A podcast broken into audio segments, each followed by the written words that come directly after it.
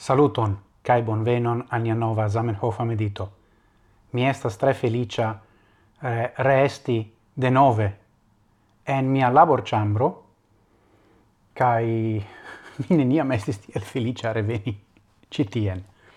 Bone, hodio mi legos cun vi el tiron el pagio hoc sep, temas pri gazet articolo, la esperantisto 1891, Kiun mi bedaurinde preteratentis antaue, char la titolo de citiu articolo estas al la nova iaro. Alla nova iaro. Al cio i niai amicoi en diversai landoi, ni sendas per tio, la vorto tio mancas en la texto, ci ni ancoran gratulon iela veninta nova iaro.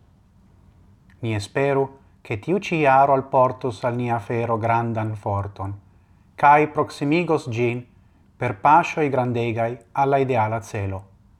Se ni ec memoros che nia, en cia malfavora tempo nascigis nia fero, cae cun ciai grandegai malfacilagioi gi devis batali en siei unuai caica iaro de existado se ni vidas che malgrau cio la fero cion curagel tenis, cae starigis fine sur fortai piedoi, sur voio promesanta nun regulan progressadon, ni povas diri che ni havas la raiton, curage, cae cun la plei bonai esperoi rigardi en la estontezon.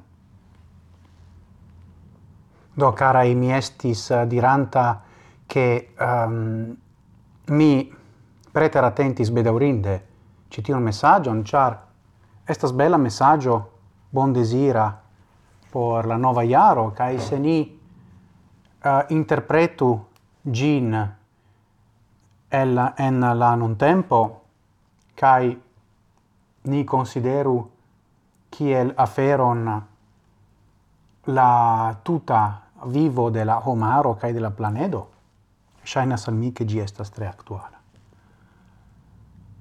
Do. Ni multe laboris, ni multe faris por uh, ne nur pluvivi sed vivi. Kai mi pensas che ni povas esti fierai pri ni mem char ni condutis bone kai juste Kaj do ni rigardu la novan jaron, kiu hodio komenciĝas por uh, kelkaj partoj de la mondo laŭ la calendaro en kiu hodio estas Kristnasko. Pli malpli do ancora estis tempo por eh, opportuna tempo por uh, diri tion. Kai vere revene al mia laborĉambro ŝajnas al mi revene al normalezzo. Dankon provia attento, atento. Gis morgau, cae ciel ciam, antauen, sen fine.